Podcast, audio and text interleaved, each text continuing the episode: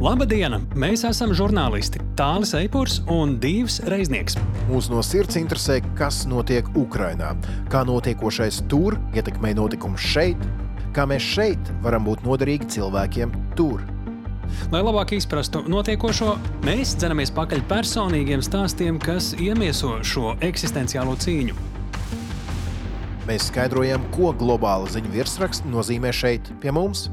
Jo Ukraina cīnās ne tikai par savu brīvību. Ukraina šobrīd ir arī mūsu drošinātājs. Labvakar, labdien, labrīt! Esiet sveicināti klausītāji, esiet sveicināts Tāļa kungs. Labdien, labvakar, labnakt, labrīt klausītājiem. Podkastos mēs tā varam teikt, jo mēs nezinām, kad jūs mūs klausāties, bet mēs zinām, ka jūs mūs klausāties. Es gribēju teikt, sveiks, Dīvi, arī tev! 20. epizode. Kā vienmēr, radiorakstā drošinātājs mums īsti nav ko svinēt, jo katra jauna epizode nozīmē, ka karš Ukrainā turpinās. Jā, un katra jauna nedēļa nozīmē arī jaunumus, kurus mēs mēģinām saprast, izskaidrot. Tāpat arī dzenamies pakaļ personīgiem stāstiem. Tāds atrasts ir arī šoreiz. Par ko būs stāli? Tu šoreiz biji tas, kurš runāja ar mūsu viesi. Tā būs saruna ar cilvēku, kurš vismaz trīs mēnešus ir nodzīvojis un nostrādājis uh, uz laika aplenktās Černīhijas pilsētas slimnīcā, arī kara hospitālī, bet burtiski dzīvojis šajās telpās uh, kopā ar kolēģiem. Uh, viņš izstāstīs, kā tas bija. Viņš arī katru dienu kājām skraidīja vairākus kilometrus starp slimnīcu un kara hospitāli, lai katru dienu vienā un otrā glābtu dzīvības. Ko tad viņš saka gan par iedzīvotājiem, gan karavīriem, kuri ir tikko ievainoti, atvesti no frontes? Viņam viņi ir jāoperē ar ledainā ūdenī nomazgātām rokām, jo ķirurgi citādāk nedrīkst.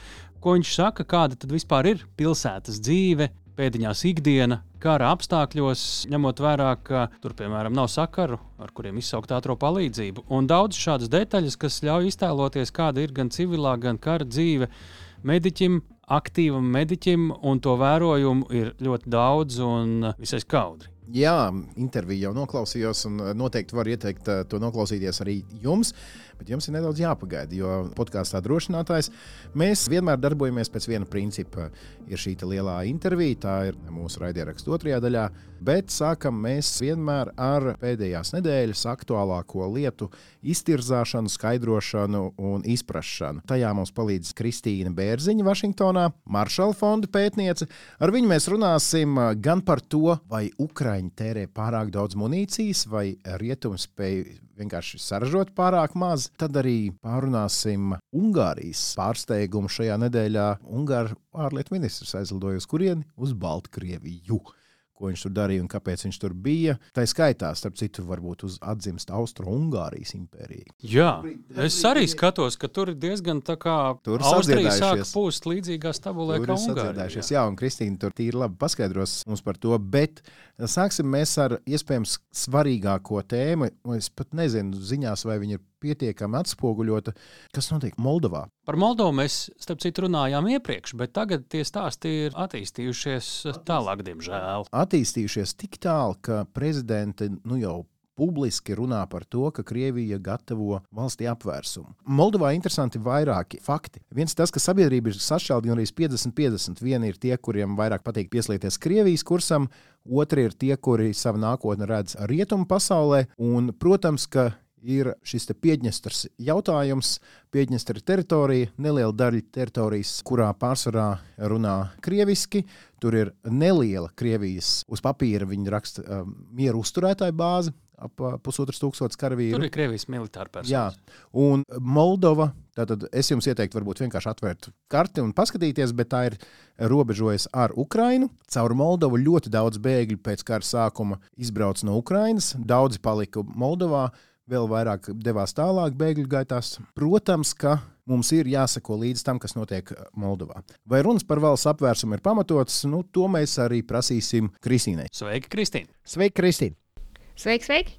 Moldovas prezidents paziņoja, ka valstī tiekot gatavots apvērsums ja mēs ņemam to kontekstā ar dažas dienas iepriekš eh, Krievijas ārlietu ministra Lavrova teikto, ka nu, Moldova varētu būt nākamā, kurā Krievija ieviesīšot savu kārtību, cik satrauktai jābūt pasaules sabiedrībai par to, kas šobrīd notiek Moldovā un kas gaidāms tur tuvākajā laikā?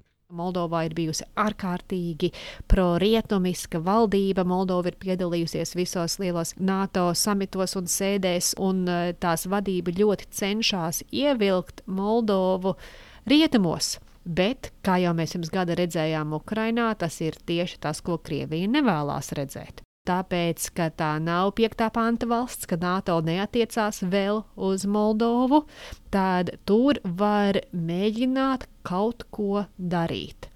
Un vai nu tas ir ar hibrīdu metodēm, piemēram, apvērsumu organizējot un dezinformāciju un citādāk, raķetes arī lido tuvu un pāri vai arī uh, iebrukuma draudz tur varētu būt liels. Teiksim, vistuvākā valsts no riska perspektīvas uh, Ukrainai tiešām varētu būt Moldova. Nenozīmē, ka kaut kas tur noteikti notiks, bet, ja skatāmies par otro vietu, par kuru būtu tagad jārūpējās, tad Moldova noteikti ir nākamā, par kuru būtu jādomā. Tagad, kad mēs redzam, ka Krievi nespēja izpildīt savus lielos draudus Ukrajinā, trīs dienās ieņemt Kijevu un tā tālāk, kāpēc mums būtu jāsatraucās par kaut ko, ko Krievija grib vai negrib izdarīt Moldovā, ja viņi nevar vienu Bahmutas pilsēti ieņemt vairāk kā pusgadu?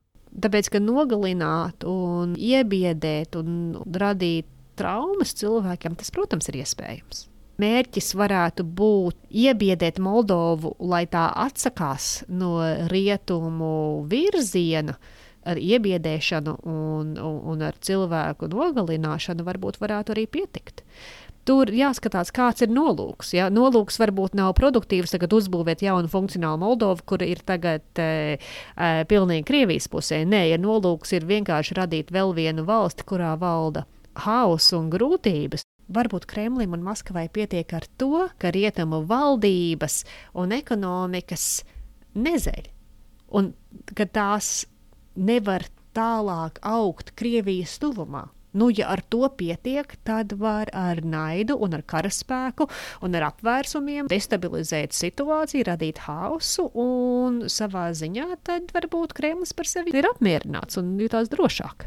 Vai tu redzi, ka pro-rietumnieciski noskaņotā prezidenti varētu aicināt mieru uzturētāju statusā vai kā citādi pie sevis rietumu valstu tieši militārās vienības? Moldovā būs tieši tāpat kā Ukrainā, ja gadījumā tur attīstās situācija var aicināt palīdzību, var tie cieši sadarboties, var ziedot un palīdzēt, un, piemēram, dalīties arī ar uh, informāciju, no kurienes varētu nākt uzbrukums un kas notiek. Un, nu, tāpat kā rietumi ir palīdzējuši Ukrainai, tāpat arī visticamāk palīdzētu Moldovai, bet tas nav tas pats, kas sūtīt savus karavīrus Moldovā. Man liekas, atkal tur būtu tāda robeža novilkta, ka nu, nu, tas varētu būt pat traku katrā ziņā sekosim līdz notikumiem Moldovā, lai viņiem uh, viss izdodas. Uh, šobrīd pārceļamies nedaudz tuvāk Latvijai.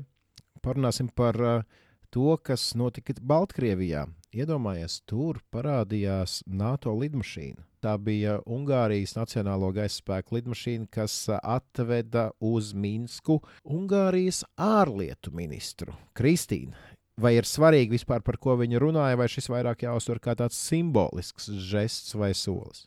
Simbolisks noteikti Orbāna valdība Ungārijā netaisās darīt tā, kā Briselē liekas būtu pareizi. Un Ungārijā ir liels atbalsts tieši Krievijai, nevis Ukrainai šajā karā.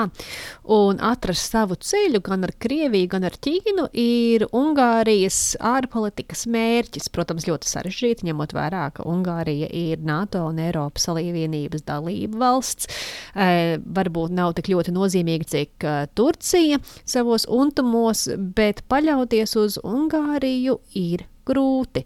Un uh, tas, ka Ungārija meklē savu ceļu ar Baltkrieviju, bet Baltkrievijā par Krievijas jautājumiem.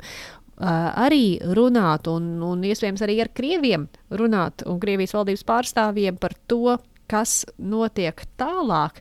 Tas ir svarīgi. Minska bija pēc 14. gada tā vieta, kur uh, sprieda, kāds varētu būt miera ceļš Ukrajinā jau toreiz, un Baltkrievija, protams, nebija tik ļoti iesaistīta karā toreiz, cik tā ir pašlaik. Un uh, prezidents Lukašenka bija nedaudz attālāks tajā brīdī no prezidenta Putina, bet vai no Baltkrievijas puses ir vēlme atkārtot savu iepriekšējo lomu kā sarunu pilsētu par mieru. Tas ir arī viens jautājums, bet no rietumu puses tas liekas pilnīgi neloģiski. Jo, ja, ja varēja pirms tam deviņiem gadiem domāt par to, ka, ka Minska tas nav tas pats, kas Maskava. Šobrīd ir ļoti maz ilūziju par to, ka Minska ir tiešām ārpolitikā neatkarīga valsts.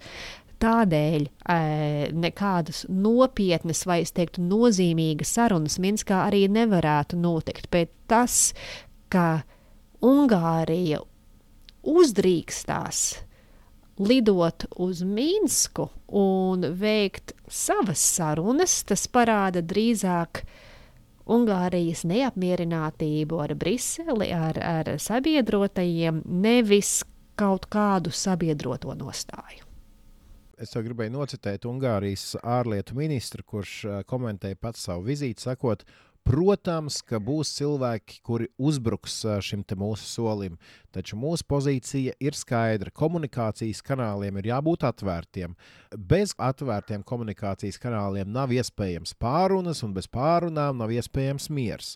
Ungārija laikam ir vienīgā valsts Eiropā, kur vēl nav sadzirdējusi Ukrāņu nostāju, ka šobrīd viņi nav gatavi nekādām pārunām. Es neteiktu, ka Ungārija ir vienīgā valsts. Mums ir arī, arī Eiropas vidū ir citas valstis, kuras arī nav vēl īsti sadzirdējušas to, kas ir pēdējā gada laikā noticis, vai nevēlas to dzirdēt. Tām ir tikai izdevīgi sevi atbalstīt, nevis domāt par Ukraiņu vai Eiropas tālāko nākotni. Klau, un tad vēl viena papildus ziņa bonusiņā.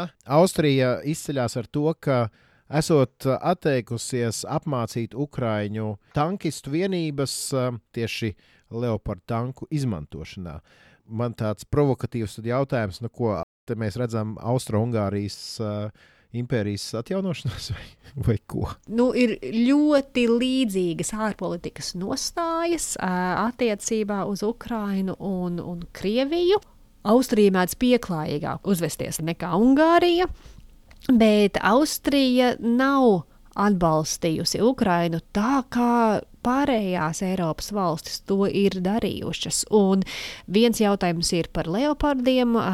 Protams, arī ļoti ilgi ir biju, bijušas energo saistības ar Krieviju, un, un augstā kara laikā tā bija neitrālā valsts, kur sanāca no abām pusēm kopā, un, un nostāties konkrēti rietumu pusē, NATO pusē, Eiropas Savienības pusē, tas Austrijai īsti nenāk tā dabīgi, un Austrija neko nav arī iemācījusies pēdējā gada laikā. Ja skatās, ka uh, Vīnes opera ir uh, tā vieta, kur vēl joprojām drīkst uh, operas dziedātāji, kur nav nolieguši karu, uzstāties. Krievijas operas dziedātāji, kuri vēl joprojām atbalsta Putinu, drīkst vēl joprojām uzstāties Vīnē. Un, Tur uh, un Vīnē, piemēram, tagad pēc Covid pirmo reizi notiek uh, lielā balle, operas balle, un tas ir labdarības pasākums. Es jau tā skatos, nu, labdarība, nu, skaidrs pēdējā gada laikā, kam vāc līdzekļus, nu, Ukrainai vai Ukrainas bēgļiem. Ja paskatās tur, nē, uh, organizācija, kura ir uh, tā, kas organizē labdarību, ir organizācija kur, vai, vai iniciatīva, kur saucās Austrija palīdz Austrijai.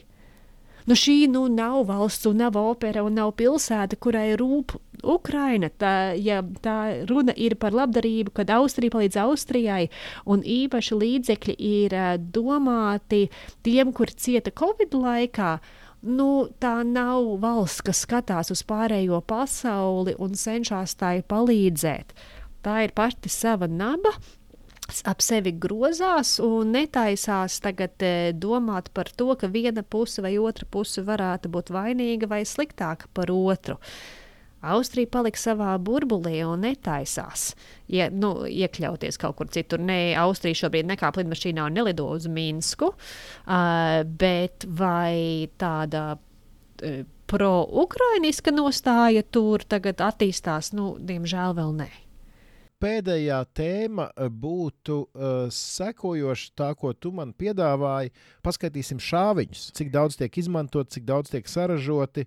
Kas tev par šo ir sakāms, Kristīna? Skatoties pēc uh, NATO komentāriem, Ukraina izmanto ārkārtīgi daudz šāviņus, un ir liels satraukums par to, vai Ukrainai ilgtermiņā pietiks. Jo šobrīd, jā, visi ir atvēruši savus angārus un, un dod to, kas ir, bet mana saprāšana ir tā, ka Ukraina divās, trīs dienās izšāva tik daudz, cik ASV var saražot viena mēneša laikā. Tur matemātika nav izcila. Uh, tādēļ ir skaidrs, ka NATO valstīm ir kaut ko citu jādara, ir jāražo. Un jā, jau dzird to, uh, ka, piemēram, Vācijā tagad paaugstinās un palielinās tieši arī uh, raķešu ražošanu un, un citādāk. Bet, ja to tagad nolēma sākt mainīt, tad kad tas reāli nonāks Ukrajinā? Un Ukrainai to vajag tagad. Un tāpēc rietumu pusē vajag ātrāk, nopietnāk saprast, ka nu, nevar turpināt šī tik lēni, bet Ukraiņas pusē arī gudrāk šaut, nevis varbūt vairāk šaut. Bet tas ir grūti, jo Krievi dod pretī. Un jautājums ir, kā atrast to līdzsvaru starp gudru šaušanu un daudz šaušanu lai būtu godīgi, piemēram, pret vāciešiem, kurus mēs mūsu sarunās arī gan daudz esam pieminējuši, un varbūt ne ar to pozitīvāko intonāciju, tad jāpiebilst, ka jaunais Vācijas aizsardzības ministrs Pistorijus ir paziņojis, ka nu, mums ir problēmas ar, ar munīciju pretgaisa šīm aizsardzības sistēmām Gepard, un mums viņas sāk aptrūkties, tāpēc mēs uh, atsaldēsim 2010. gadā iesaldēto ražošanu un uh, sāksim atkal izgatavot uh, lādiņus pretgaisa aizsardzības sistēmām. Tā kā redzam, jauns ministrs, jauna varbūt tāda noteiktāka rīcība, un uh, tas ir kaut kas tāds, laikam, par ko mēs uh, varam uh, priecāties. Protams, ka varam priecāties, un jā, mēs daudz arī te kritizējam Vāciju, bet bieži tā Vācijas politiskais process ir tāds, ka nevis valdība vada un pieņem lēmumus, un tad izskaidro tautai, bet sagaida, ka, nogaida, kamēr tautai ai, trūkst pacietības, un ka tā beidzot arī piekrīt, un tad tikai pieņem lēmumu.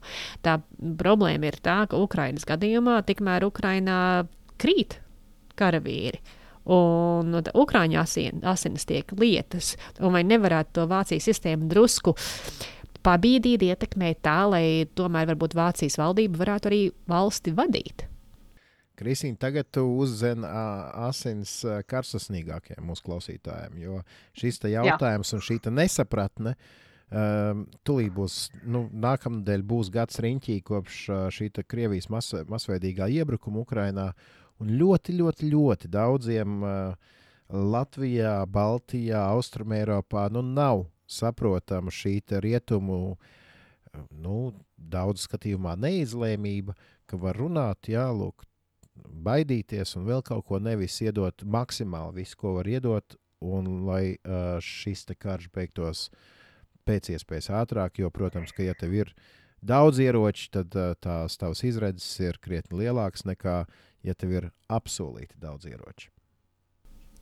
Protams, bet arī ir jauna teorija, kur ir izskanējusi, un man arī mm, liekas, ka varbūt ir tā kaut kāda taisnība par to, ka Vācija pati, Vācijā tauta sāk baidīties, bet Vācija nevis baidās no Krievijas uzbrukuma, no artērijas, no tankiem, bet baidās no raķetēm, un īpaši no kodola raķetēm.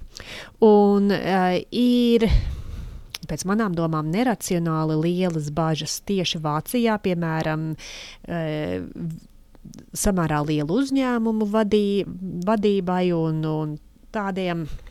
Nu, ietekmīgiem, uh, ietekmīgajam sabiedrības slānim par to, ka, ka, ka, ka zaļās Eh, zaļās partijas ministri ar saviem izteikumiem un ar savām agresīvām nostājām tagad pakļaus uh, Vāciju tieši kodola ieroču draudam, un ir kaut kāda ļoti dziļa panika par kodola kara iespējamību.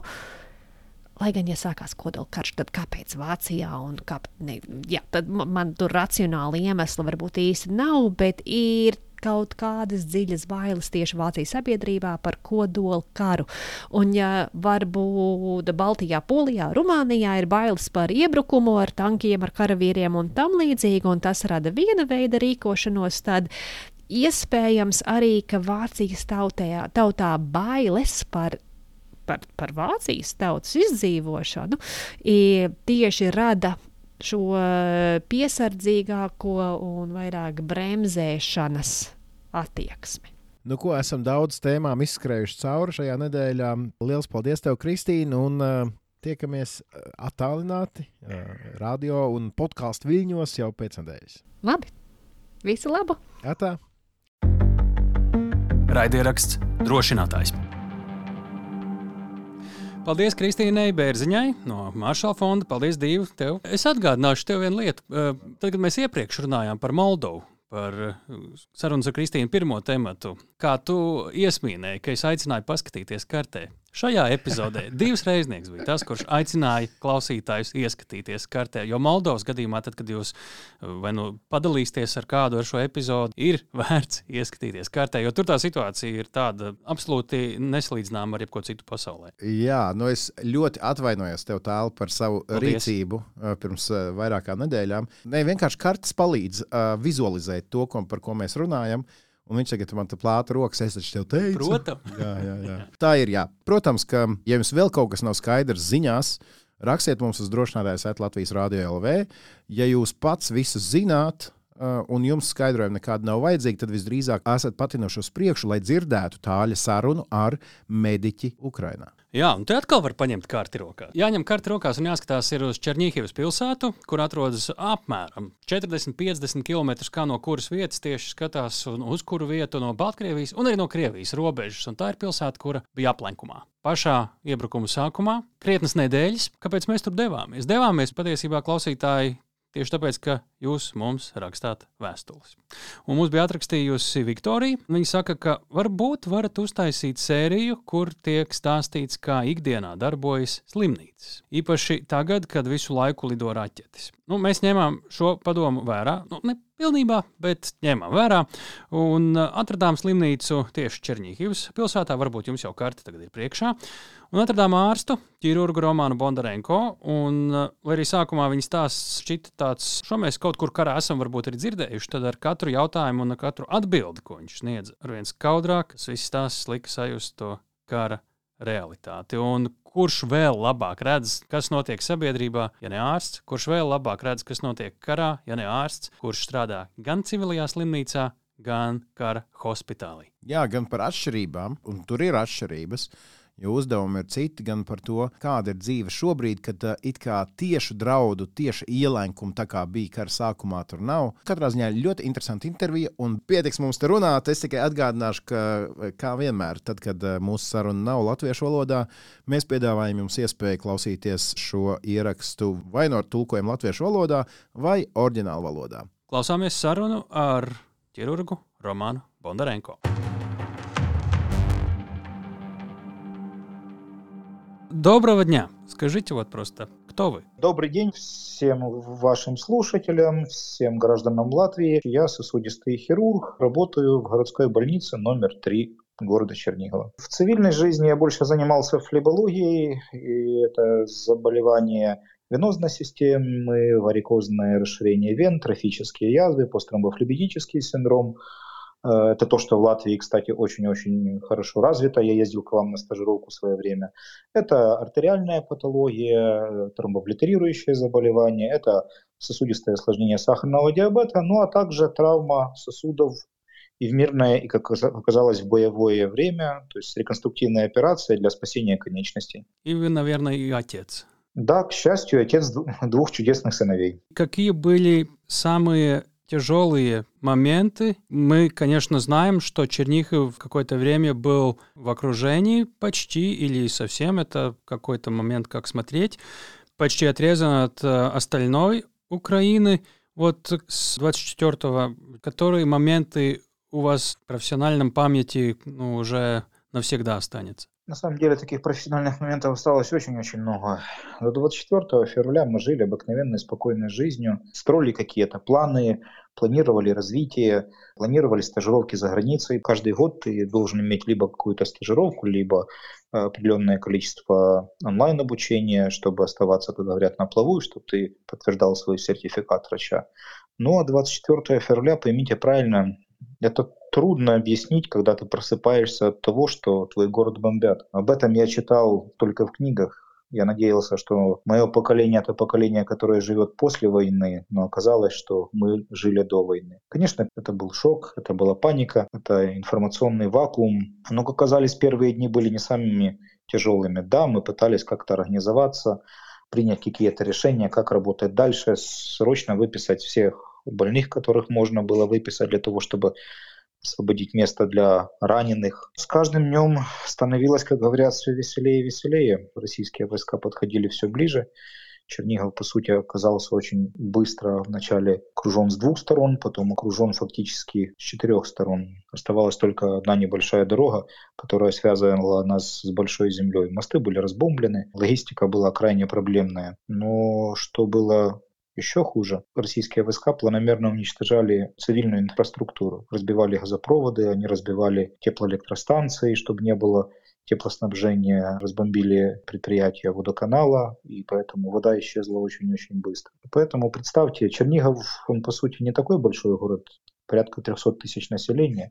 Но представьте, что такое 300 тысяч населения без воды, канализации, туалеты нельзя было пользоваться, насосы не работали, просто не откачивали центральный городской коллектор. Не было света, ну и не было тепла уже где-то на шестой-седьмой день. И на улице легкий минус, и дом многоэтажный, он остывает буквально за двое суток. Это же происходило и в больнице. Это очень трудно объяснить, как оперировать при температуре плюс 10, плюс 8 градусов когда ты не имеешь права быть там адекватно одетым, а ты одеваешь легкий оперкостюм, ну я одевал два легких оперкостюма, ты не можешь даже адекватно обработать руки, потому что тебе нужно мыть очень длительно руки под водой, а вода тоже температурой плюс 8 градусов. Пока моешь руки, ты перестаешь их чувствовать. Тяжело бы очень было еще, когда начали разбивать центр города. Дело в том, что это начиная с 17 марта. Даже с 15 марта они подошли довольно близко, начали бить строго по цивильным, по очередям. Дело в том, что часть населения Чернигова все-таки эвакуировалась, пока еще было возможно, но часть осталась, и проблема была продукты питания. То есть в нескольких местах можно было приобрести хлеб. Я вам честно скажу, я таких очередей возле вот магазинчиков, которые продавали хоть что-нибудь, я не видел со времен, наверное, Горбачева. Я был еще ребенком, и начали прицельно бить по очередям. И причем, что самое страшное, били кассетными снарядами. Там было мало раненых, там было очень много трупов. А 17 марта это началось все массово, обстреливали центр города, было массовое поступление раненых во все больницы. Плюс была повреждена одна из самых крупных больниц. Вот это такие вещи, которые не забудешь. Ну и плюс, когда оказалось, что я один специалист по своему профилю и на военный госпиталь, в который меня уже пригласили работать в качестве волонтера, в котором я уже фактически жил. Как оказалось, очень много раненых с повреждениями сосудов в моей родной больнице. И приходилось бегать, по сути, между госпиталем, между больницей. Это было страшно, потому что ну, это не объяснишь, что такое, когда над тобой что-то свистит и взрывается где-то неподалеку. И когда ты падаешь, когда ты ползешь, ну, ты понимаешь, что бежать надо. Это самолеты, которые летали над Черниговым активно бомбили. Ближайший разбомбленный дом буквально в 300 метрах от моего. Ну, что вам сказать, если ближайший разбитый российский танк менее чем в полутора километрах от моей больницы. Больница, в которой я работал, было несколько попаданий с артиллерии. Чудом не было пострадавших. Разбомбили аппарат компьютерной томографии. Очень пострадал операционный блок. То есть, по сути, Представьте, что выбило все окна во всех операционных. На улице минус 2. Это все было забито фанерой, но оперировать приходилось тех же операционных. Оперировать приходилось много. Как вы делили свое время между больницей и военным госпиталем? Дело в том, что мне повезло, мне получилось с волонтерами эвакуировать 8 марта свою жену и детей. То есть мне уже стало в этом плане полегче. Я уже понимал, что это все очень серьезно, и мне отступать некуда. Я жил в госпитале, дома я не жил. Я жил в госпитале, в нескольких местах возле госпиталя была связь. Где-то ловила мобилка. И я, если не было работы, я там каждые полчаса либо два часа выходил и старался созвониться с коллегой из больницы, спрашивал, как дела, нужен ли я срочно. И в случае необходимости я бежал пешком в больницу на операции. К счастью, эта дистанция где-то порядка трех с половиной километров, то есть добежать было можно. Ну, также и в госпитале. Когда я бежал в больницу, я предупреждал коллег из госпиталя. Я был не один из цивильных врачей, которых пригласили туда. У нас собралась очень большая команда. Это были и хирурги, и хирурги-онкологи, и травматологи, и анестезиологи. Есть команда собралась очень сильная, очень мотивированная, которая очень себя хорошо проявила. В некоторых были автомобили. Я знал, что я предупреждал, что я выбегаю, бегу в больницу, буду бежать по такому-то маршруту, что там связи может не быть в операционной. В случае, если я надо, кто-то из коллег брал машину, на свой страх и риск ехал за мной, стоял под больницей и сигналил. Я понимал, что это приехали со мной, бросал все, бежал. То есть это значит, что раненые, которые нуждаются в помощи. Как-то так и жили. Сколько вот этот самый тяжелый период длился, когда вы жили в больнице? Это было с 27 февраля по первые числа апреля. Жил-то я в больнице до начала мая включительно. Но артиллерийские обстрелы в Чернигове прекратились в первых числах апреля. Уже стало ходить между госпиталем и больницей спокойнее.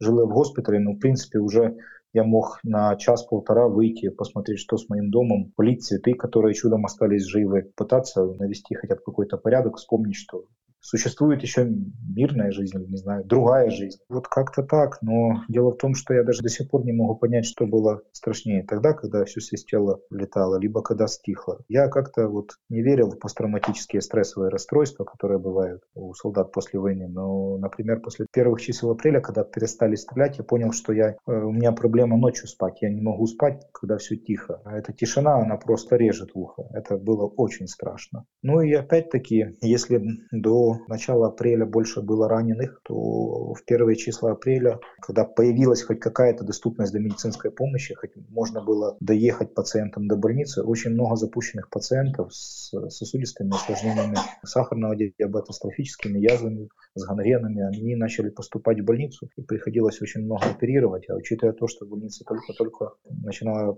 появляться вода, то, что было очень мало кадров, был очень тяжелый период. Как это развивалось и до чего дошло вот до этого момента? Март месяц был очень горячим, много раненых цивильных, много раненых военных. Это все приходилось работать, это приходилось и днем, и ночью. Жили мы фактически с коллегами в палате шестиместной, где нам выделили койки, это в госпитале.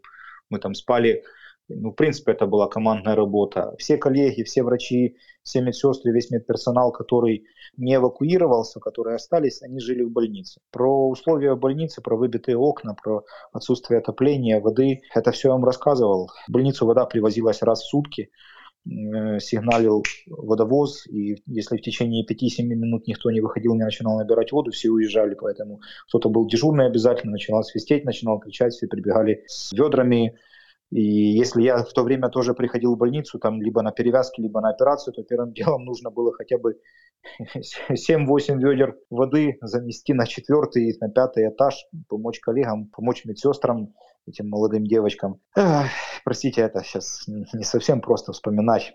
Опять-таки, э, элементарный быт обеспечить пациентам. В апреле месяце это все стихло, их отогнали на границу начала поступать хоть какая-то гуманитарная помощь, продукты питания. Спасибо, кстати, всем, кто помогал в тот момент. Но потом начали поступать раненые с границы, потому что конфликт не прекращался, война продолжалась обстреливали границу, обстреливали наши войска, обстреливали наши приграничные города.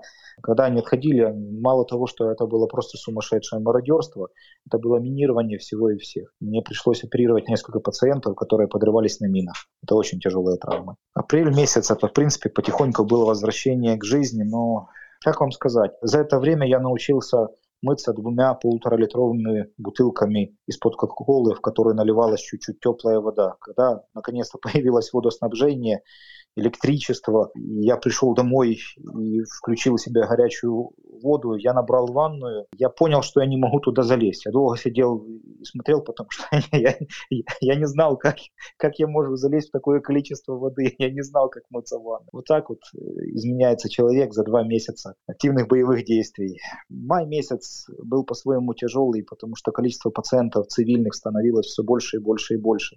Но также стало очень много военных, потому что, представьте, все тогда работали на стрессе, на адреналине. Но как только стало хотя бы чуть-чуть тише в нашем регионе, у многих начали обостряться хроническая патология, которую тоже меня просили военные врачи помогать им оперировать. То есть фактически я работал без выходных, до начала июня. А потом, к сожалению, подвело здоровье, пришлось немного полечиться самому. Ну и потихоньку уже возвращался более-менее цивильный лад. Ну и снова же обстрелы ракетные, я думаю, это вы все видели. Все лето было неспокойно, вся осень тоже была неспокойна. Ну вы, я смотрю, карте, вы меньше чем 50-40 километров от границы с Беларусью и Россией тоже там недалеко, да? Да, это все, к сожалению, это все рядом. И теперь какой ритм ваш? Сейчас ритм в ожидании нового прихода, потому что мы все видим, что это все не стихает, это все идет по нарастающей. Все ждут нового нападения, все к этому готовятся. По поводу раненых, на данный момент наш регион не самая горячая точка фронта, поэтому относительно спокойно но тем не менее есть, но это уже не множественные случаи. По поводу пациентов в больнице, немного ближе к мирному времени мы оперируем, мы уже оперируем более спокойные ситуации. Но тем не менее, мы же все офицеры запаса, мы готовимся, нас периодически вызывает военкомат. Кое-кто уже из коллег призван вооруженные силы Украины и служит, и уже на фронте. Мобилизация продолжается. Война идет. Этим все сказано. Коллеги служат как э, врачи, как военные медики или э, по-другому? Как врачи, как военные медики. Чтобы вам было понятно, моя группа в университете, нас было в группе 11 человек. Из 11 человек два сейчас на Донбассе. Один из первых дней войны, он пошел добровольцем, он вообще был преподавателем в Киевском медицинском университете, он был врачом-педиатром, сейчас он военный врач. А второй из Черниговской области, он хирург тоже. После снятия блокады Чернигова он пошел в военкомат, и сейчас он служит в самом проблемном регионе. К счастью, они оба живы, они оба целые, мы стараемся с ними держать контакт. Ну, также мои одноклассники, кто где. Много-много служит многие еще будут, к сожалению. Но это наша война, это война за нашу независимость, это наша отечественная война. Какая разница между работой в гражданской больнице и работой в военном госпитале? Это само собой, что есть очень большая разница, но я бы хотел, чтобы вы рассказали слушателям, вот какая именно. Военная медицина, она вся построена на этапности и уровнях эвакуации. Если сказать очень просто, то на каждом уровне оказывается только определенная помощь. Если ты в двух километрах от фронта, грубо говоря, ты имеешь право только остановить кровотечение, наложить повязку и срочно эвакуировать пациента. Если ты в 10 километрах, ты уже имеешь право сделать еще какое-то вмешательство. Ну, опять-таки, образно говоря. И чем дальше пациент эвакуируется от линии фронта, тем более квалифицированная и специализированная помощь ему предоставляется. Это еще старые советские стандарты, по которых нас учили даже в университетах. И вся армейская медицина, она построена на вот таких доктринах доктринах. Да, сейчас, конечно, новые натовские пришли доктрины по ускорению эвакуации, по эвакуации сразу в более специализированные центры, но случилось так, как случилось. Чернигов оказался в окружении. Линия фронта буквально нескольких километров была от моей больницы, то от госпиталя это было примерно на 3 километра больше.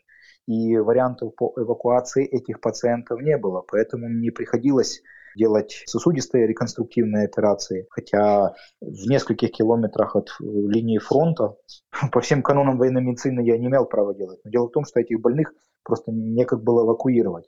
А если ты просто останавливаешь кровотечение с тем, что перевязываешь сосуды, то уровень ампутации это 50-70%. То есть это ну, неудовлетворительный результат.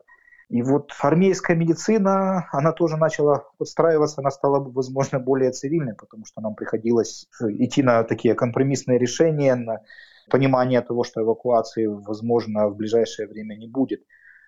И опять-таки укомплектованность военных медицинских учреждений, она была на порядок лучше, потому что если с цивильных врачи, медсестры выезжали, то военные медицинские учреждения не полностью сохранили свой штат. Хотя, честно вам скажу, было не сладко работать ни там, ни там. Было много работы, но мы не сдавались. мы не сдавались. Ну, сколько и мы делали интервью, мы понимаем, если у кого-то есть электричество в случае отключки э, света, тогда в больницах это, конечно, есть там генераторы, да?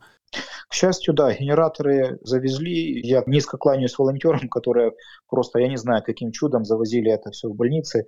Опять-таки, ну, вы понимаете, генератор очень классная вещь. Но представьте, Чернигов окружен, мост разбомблен, идет обстрел, да, есть генератор, а где взять дистопливо? Когда логистики просто нет. То есть эти генераторы включались там, у нас был, я помню, в больнице один самый маленький генератор, он подключался к холодильникам, где хранились запасы крови и медикаментов, э, которые нужно держать в холодильнике.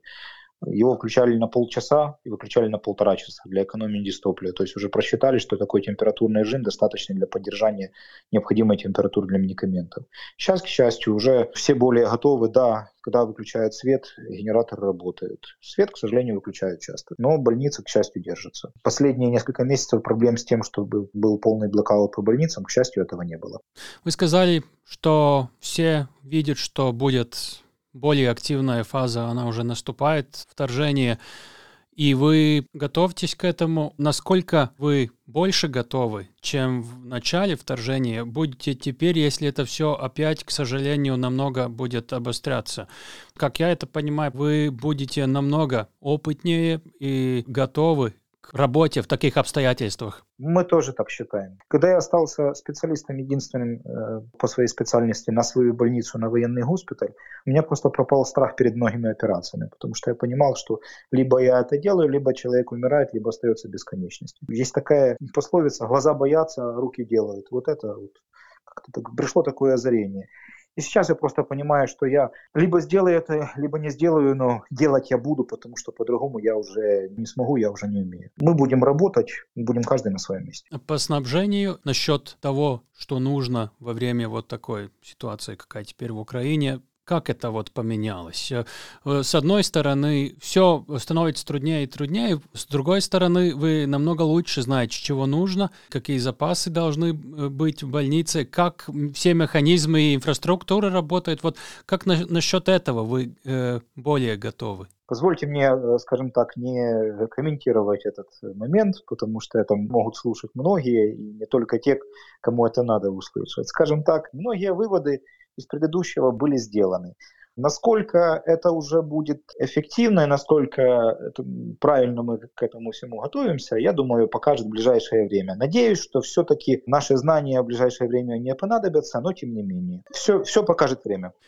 Знаю, что в медицине, э, в отличие от армии, там, пожарников, полиции, очень большая часть женщин, э, сравняясь с вот теми службами. И мы знаем, что женщинам э, не было ограничения покидать страну. Мы в Латвии тоже встречаем врачей из Украины теперь, которые приехали, женщины. Как это повлияло на отрасль, на работу больницы вашей? Это, конечно, было тяжело, потому что многие действительно женщины и специалисты уехали. И поймите правильно, если, например, часть врачей это женщины, то среди медсестер, например, операционных медсестер, которые работают с вами в операционной, то женщины все. Ну, так случилось. И для многих э, стал вопрос между долгом перед семьей и долгом перед Родиной. И многие выбирали семью, и они вправе их осуждать. Конечно, это приходилось немного реорганизовывать работу, приходилось брать многим на себя двойные, тройные нагрузки. Ну, люди жили на работе, люди работали. Да, это было очень тяжело. Э, но вместе с тем, когда, например, начались первые обстрелы в больнице, э, было довольно неплохое бомбоубежище. Туда прибежали женщины с детьми. Первые сутки ночевало в больнице более сотни детей. Не могли просто выехать. Поверьте, возможно, было бы нам намного лучше для всех, если бы эти женщины смогли с детьми выехать, чтобы дети не видели это, этих всех ужасов. Моя сестра сейчас до сих пор э, в вынужденной эвакуации. Я очень рад за них, потому что дети ходят в школу, дети не слышат этого, дети развиваются нормально. И, возможно, было бы лучше, если гораздо большее количество женщин смогло выехать. Хотя, конечно, на работе тогда каждые руки были на вес золота. Ну вот такая вот диалектика. С одной стороны, хотелось бы выезжать, чтобы они больше выезжали. С другой стороны, без некоторых просто было невозможно работать. Мне было гораздо проще после того, как я смог эвакуировать свою жену с детьми. Когда я знал, что они в безопасности, это было на порядок проще уже и оперировать, и, бегать между госпиталями больницы. Это все стало на порядок легче, потому что ты отвечаешь только за себя, а твой быт минимальный. Простите, если говорю скомканно, но это уже эмоции. Я просто сейчас с вами беседую, я, я вот это все вспоминаю, у меня эти картинки всплывают. Не самое лучшее воспоминание. Простой человек, который живет там в Чернигове или в области, чего он больше не может получать или, вероятнее всего, не получит то, что он получал раньше, что поменялось вот в отношениях с врачами и персоналом, вот как это вот, по вашему мнению, с глаз пациента поменялась э, возможность вообще как-то э, надеяться на помощь в больнице? Когда идет активные боевые действия, конечно, медицинская помощь минимальная, доступность медицинской помощи опять-таки минимальная, скорая помощь как таковая не работает по одной простой причине – нету связи. То есть скорая помощь едет, когда поступила хоть какая-то информация, что что-то где-то взорвалось, куда-то попала авиабомба, какая-то связь. Потому что представьте просто, что у вас сейчас отключен телефон, и у всех ваших друзей и знакомых отключен телефон, и у вас нет телевизора, у вас вообще нет никакой информации, как реагировать на это все. Поэтому, конечно, во время активных боевых действий, когда Чернигов был в окружении, это все было крайне печально. Пациентов буквально привозили родственники, если это были тяжелые пациенты, на свой страх и риск, э, и это были довольно трагические ситуации. Сразу после окончания активных боевых действий в нашем регионе, конечно, было очень много тяжелых пациентов, когда уже было более-менее безопасно добраться до больницы, когда появилась связь, когда начала восстанавливаться кое-какая логистика, потому что Чернигов это все-таки региональный центр, Черниговская область одна из самых больших областей Украины. Э, мы имеем большие расстояния между селами, вообще небольшими городками, населенными пунктами, много рек, много болот, мосты были взорваны, часть дорог заминирована, то есть вот э, как доехать пациенту было проблемнее, и поэтому было очень много тяжелых пациентов. Сейчас я сужу по структуре тех пациентов, которые обращаются, это уже ближе к мирному времени, во всяком случае на данный момент, то есть это плановые пациенты, это более-менее стабильные пациенты. В плане доступности медицинской помощи я вам хочу сказать, что это все очень даже хорошо и доступно. А как пациенты относятся к нам, докторам, ну, простите, я не могу комментировать, потому что я как бы по другую сторону баррикад. Скажем так, со своими пациентами я поддерживаю активный контакт. На данный момент до конца следующей недели у меня все дни приема и все операционные дни у меня расписаны. У меня до, с понедельника по пятницу по несколько операций в день. Э, большинство моих коллег в больнице, в которой я работаю, тоже, в принципе, очень активно по количеству пациентов, по количеству операций. Я сосудистый хирург, ко мне даже сейчас я могу уделить время пациенту, который э, может просто постучать в дверь и сказать, доктор, извините, я приехал из глубокого села, вы не найдете несколько минут для меня. Конечно, я найду, я понимаю, вы живой человек, вы приехали из тех районов, которые обстреливают, как я могу отказать пациенту? Вот простой пример. Я более чем уверен, что в странах Западной Европы это маловероятно. Вот сегодня у меня было более пяти таких пациентов, которые приехали, и я их между операциями просто осмотрел, потому что я прекрасно понимаю, что если люди приехали из глубокой провинции, то это действительно надо. Но вот такой момент у нас еще в медицине присутствует. Как поменялась смертность из-за запущенных и других пациентов и других обстоятельств именно вот в гражданском населении? Потому что люди не успевают, нету каких-то средств, а э, ситуация совсем другая, наверное.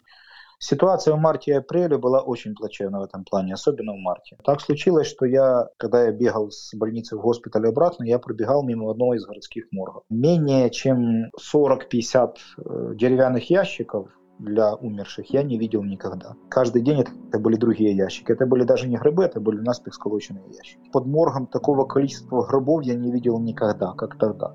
Это те ящики, которые вот стояли под моргом. Это были даже не гробы, а наспех сколоченные ящики, которые хоронились в братской могиле. Дело в том, что в центре города есть лесопарк, и вот там были братские могилы, в которых этих людей хоронили. Я не уверен, что это открытая информация сейчас к доступу, я ею не владею, честно вам скажу. Но то, что я видел, указывало на то, что людей, к сожалению, было. Особенно стариков, особенно людей с хроническими заболеваниями, потому что, ну, представьте просто, где взять в городе, который является в окружении, инсулин для диабетика? Где взять препараты для людей с э, гормонзависимыми патологиями, патологией щитовидной железы? Я молчу про онкобольным, которым нужно было химиотерапия. Я даже боюсь подумать, как выжили тех, кто выжили с хронической почечной недостаточностью, диализные пациенты. Я молчу о том, что люди с инфарктом миокарда не могли быть застентированы и даже доставлены хоть куда-нибудь. Это все было очень печально. Но, к сожалению, в абсолютных числах я сказать не могу. Я, я могу сказать только то, что каждый день я видел все новые и новые ящики для захоронения умерших. И это только один из моргов. Моргов было несколько. Насчет настроения. Я знаю, больница обычно это не то место, где все хотят попасть. Там все нервные какие-то, мирное время, да, и врачи не всегда хотят разговаривать с пациентами, потому что они трудные, лишнее всякое там времени занимает иногда, и пациенты тоже, ну, они, конечно, волнуются и все такое.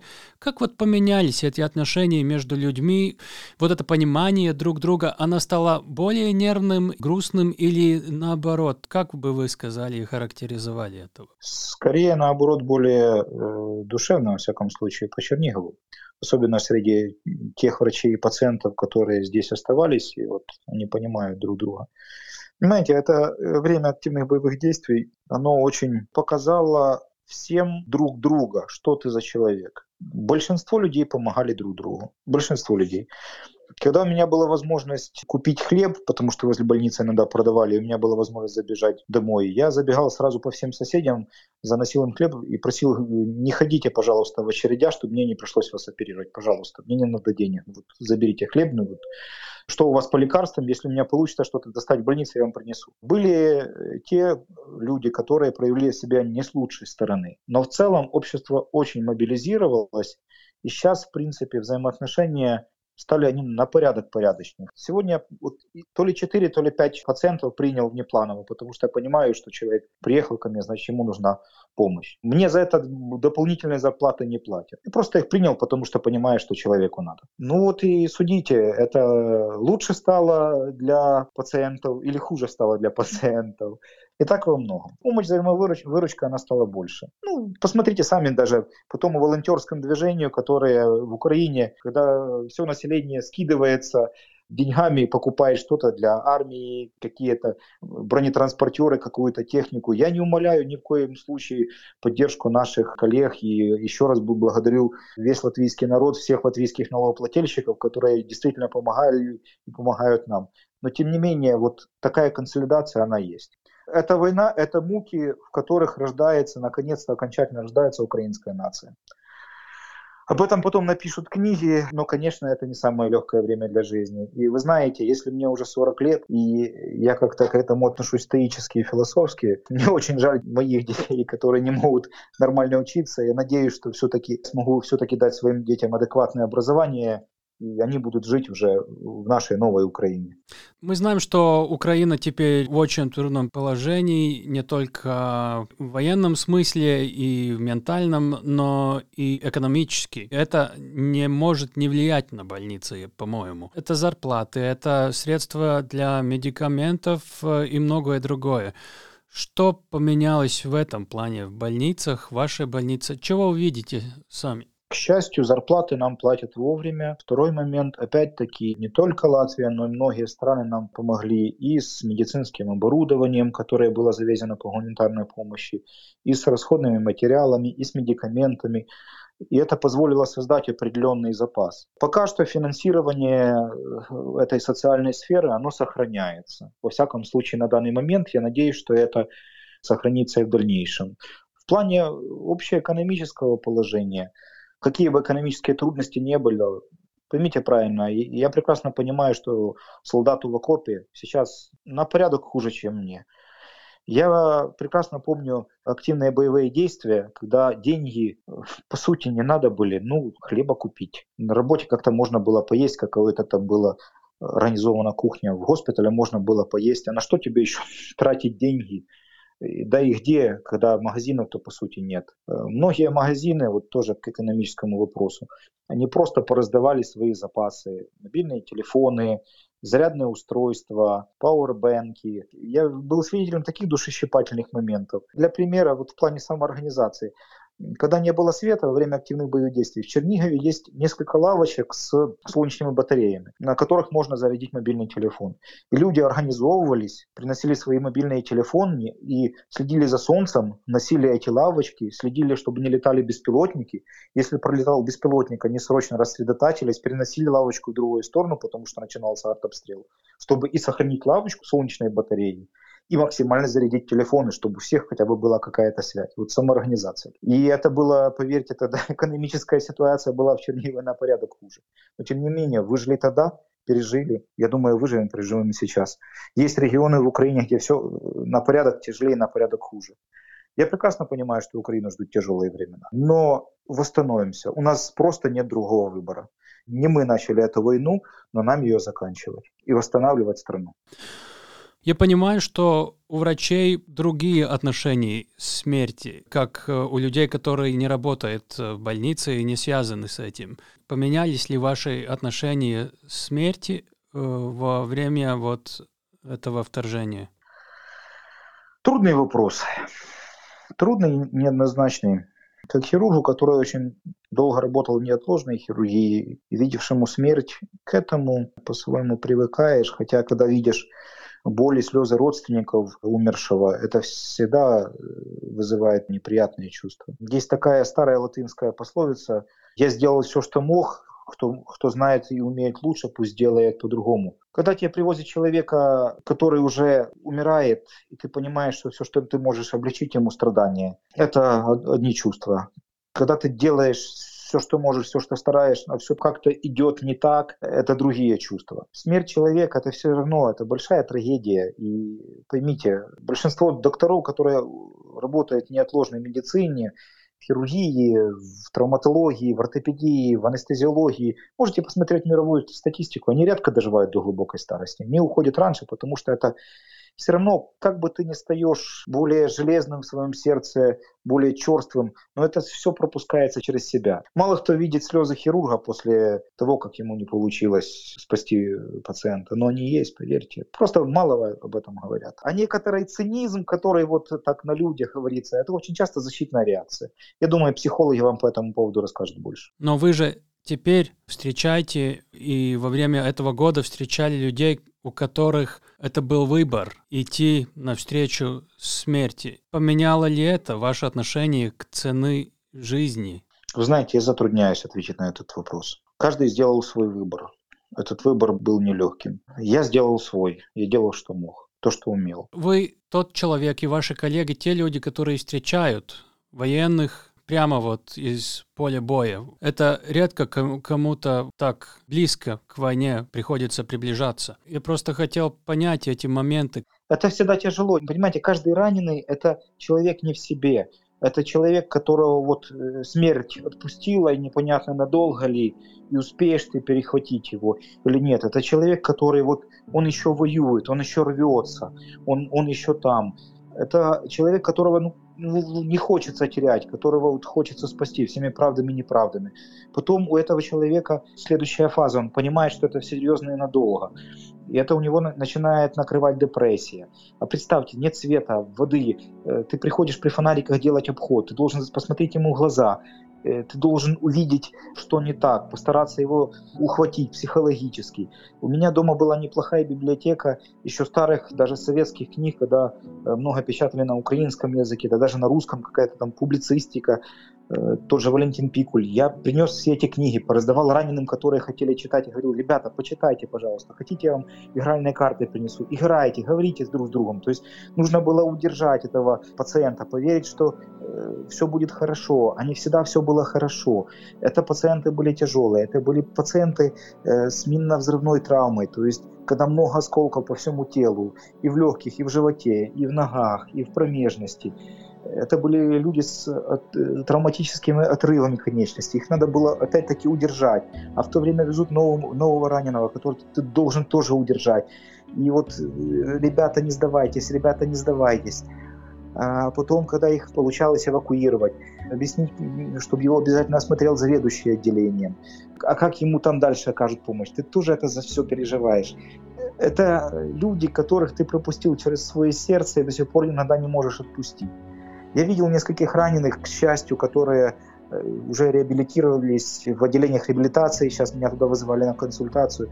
Да, это люди все-таки уже несколько другие, у них опять появился огонь жизни в глазах. Поменялось ли мое отношение к смерти? Ну, не знаю. Я доктор, я должен с ней бороться, хотя понимаю, что это сизифов труд.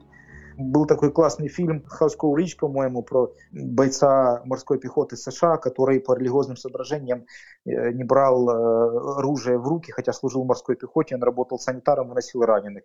Я до сих пор помню его молитву «Господи, дай мне возможность вытянуть хотя бы еще одного». И вот каждый раз, когда ты идешь, Господи, допоможи мені цього ще витягнути. Ну, Господи, допоможи моими руками цьому, цьому пациенту. Вот это те слова, которые всегда в голове крутятся. Все равно хочется спасти ну, хотя бы еще одного, хотя бы вот, вот, вот сейчас, сию секунду. Ну вот как-то так. Извините, сумбурно, но я уже на, я уже на эмоциях. Очень-очень большое спасибо, что вы согласились отвечать на этот вопрос. По-моему, это очень-очень важно. Нам надо закругляться. У вас дети, наверное, тоже уже спать скоро надо будет готовить. Пока я отвернулся, уже все, все конфеты у меня за спиной съели. Сейчас уже нужно будет идти воспитывать. Как люди в Латвии могут лучше всего помочь вам? больнице? Вы уже и так сделали много. Я не вправе даже что-то просить больше. Я думаю, время покажет. Вы показали себя с большой позитивной стороны. Если человек, он человек по жизни, то он всегда себя так будет проявлять. Поэтому благодарю весь латвийский народ, всех налогоплательщиков, которые понимают, что эти деньги уходят не на какие-то там наши заоблачные мечтания, на то, чтобы отстоять свою независимость. Опять-таки, сделать Европу более безопасной. Потому что я не хочу быть голословным, но э, мое мнение, как человека с двумя высшими образованиями, это то, что сейчас решается будущее всего европейского континента на ближайшие сто лет. Будет ли этот континент стабилен, безопасен, будет ли наконец-то Европа э, тем оазисом процветания и человеческих прав или нет. Наилучшее пожелание и большое спасибо. А время оно само покажет и подскажет. Я думаю так. Чего вам лично пожелать? Наверное, здоровье, потому что здоровье еще нужно будет. Потому что нужно закончить войну, нужно максимально помочь раненым, больным. Ну и опять-таки потом восстанавливать страну и строить будущее своих детей. Я все-таки мечтаю им дать достойное образование. Вы не первый, который примерно то же самое говорит нам, да. Знаете, есть такое понятие, как менталитет, психология нации, ценности нации. Дети в Украине, это семья, дети, это очень большая ценность. Но я думаю, в Латвии тоже. Спасибо вам, рад был слышать. Надеюсь, увидимся в мирной Украине и по хорошему поводу в Латвии. Я все-таки мечтаю приехать опять. Я же не обещал показать Юрмалу, и опять у меня очень много мыслей насчет стажировок, ведь должен я строить какие-то планы. У вас есть мой номер. Очень рад, у вас мой. Надеюсь, мой номер как врача вам не понадобится. Tas bija ķirurgs Romanis Bondarenko, un uh, viņa iztaujāja tālus eipurs. Paldies, tālus. Ļoti interesanti saruna. Es atceros kara sākumā, un es nevaru galvot, ka tā bija Černīgieva, tieši kurā mīt un strādā romāns, bet bija šie kadri ar nogalinātiem cilvēkiem pie maizes veikala. Un es atceros, es vienkārši no nu, citiem saku, ka esiet ļoti uzmanīgi ar šādām sensacionālām ziņām jo sensacionālāk, jo vairāk pārbaudiet. Un, zin, kā, man līdz galam nebija pārliecība, ka nu, nu nevar būt tā, ka stāv cilvēki pie maizes veikala, garām viņiem brauc un vienkārši viņus trūli apšauj. Nu, vai nu kāds uh, notēmē, pieregulē no attāluma un jā. tad šāva. Bet tas ir tas, par ko romāns tagad runāja. Tā ir viņa pieredze. Ka viņš kaimiņiem saka, nē, ziniet, neiet pakaļ maizē, es atnesīšu, jo citādi jūs būsiet mani klienti. Oh, traki! Jā, un uh, vēl tā beigu ainiņa ar bērniem. Nu, tā man kontrastē ar to, cik omulīgs un dzīves priecīgs uh, jau šobrīd esot mājās kopā ar bērniem ir romāns. Jo, kā mēs dzirdējām intervijā, tad viņš joprojām ir armijas rezervē. Un jebkurā brīdī viņam var atnākt vēstule ar rīkojumu doties uz fronti. Un vēl viena lieta, ko es gribēju pateikt. Lielu, lielu paldies mediķei no Latvijas, Danai Sārvai. Tieši viņa mums palīdzēja satikt un atrast Romānu Bondarenko, jo arī viņas daļa no ģimenes ir tieši saistīta ar Černīkijas pilsētu. Lielas paldies! Jā, paldies Danai un sveicienu viņai. Es redzēju sociālos tīklos, ka viņa pagājušajā nedēļā divas dienas pavadīja uz Latvijas-Krievijas robežas kopā ar mūsu vienu no iepriekšējām varonēm Montu. No biedrības stāvi draugi, kur viņas dežūrēja, sagaidīja bēgļus. Katrā ziņā ļoti interesanta storija Danai bija. Paldies viņai, piesakojiet. Es savukārt teikšu, ja jums šī saruna šķita interesanta, nu padalieties. Mēs būsim priecīgi. Gan jau, ka jūs zinat, varbūt kādu ārstu, varbūt kādu, kuram, kuram interesē reālās pieredzes stāsti no Ukrainas. Nošērojiet, gal galā piesakojiet mūsu uh, raidierakstam, ielieciet, ko tur jāieliek, īkšķīšas. Un, nu, vienmēr sakot, jūs paši gudri, bet mēs priecāsimies priecāsimies, ja jūs padalīsieties ar raidierakstu, ja jūs eh, Twitterī komentējat, lietojat hashtag drošinātājs. Ja jums ir kas mums sakāms, rakstiet arī uz e-pasta drošinātājs Latvijas radio LV.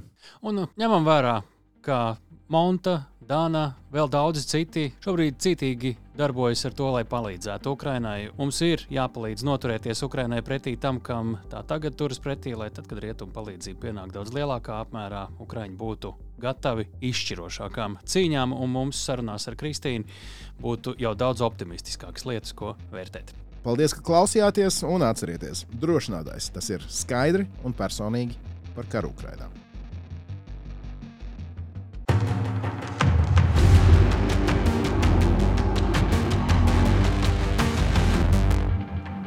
Raidieraksts drošinātājs.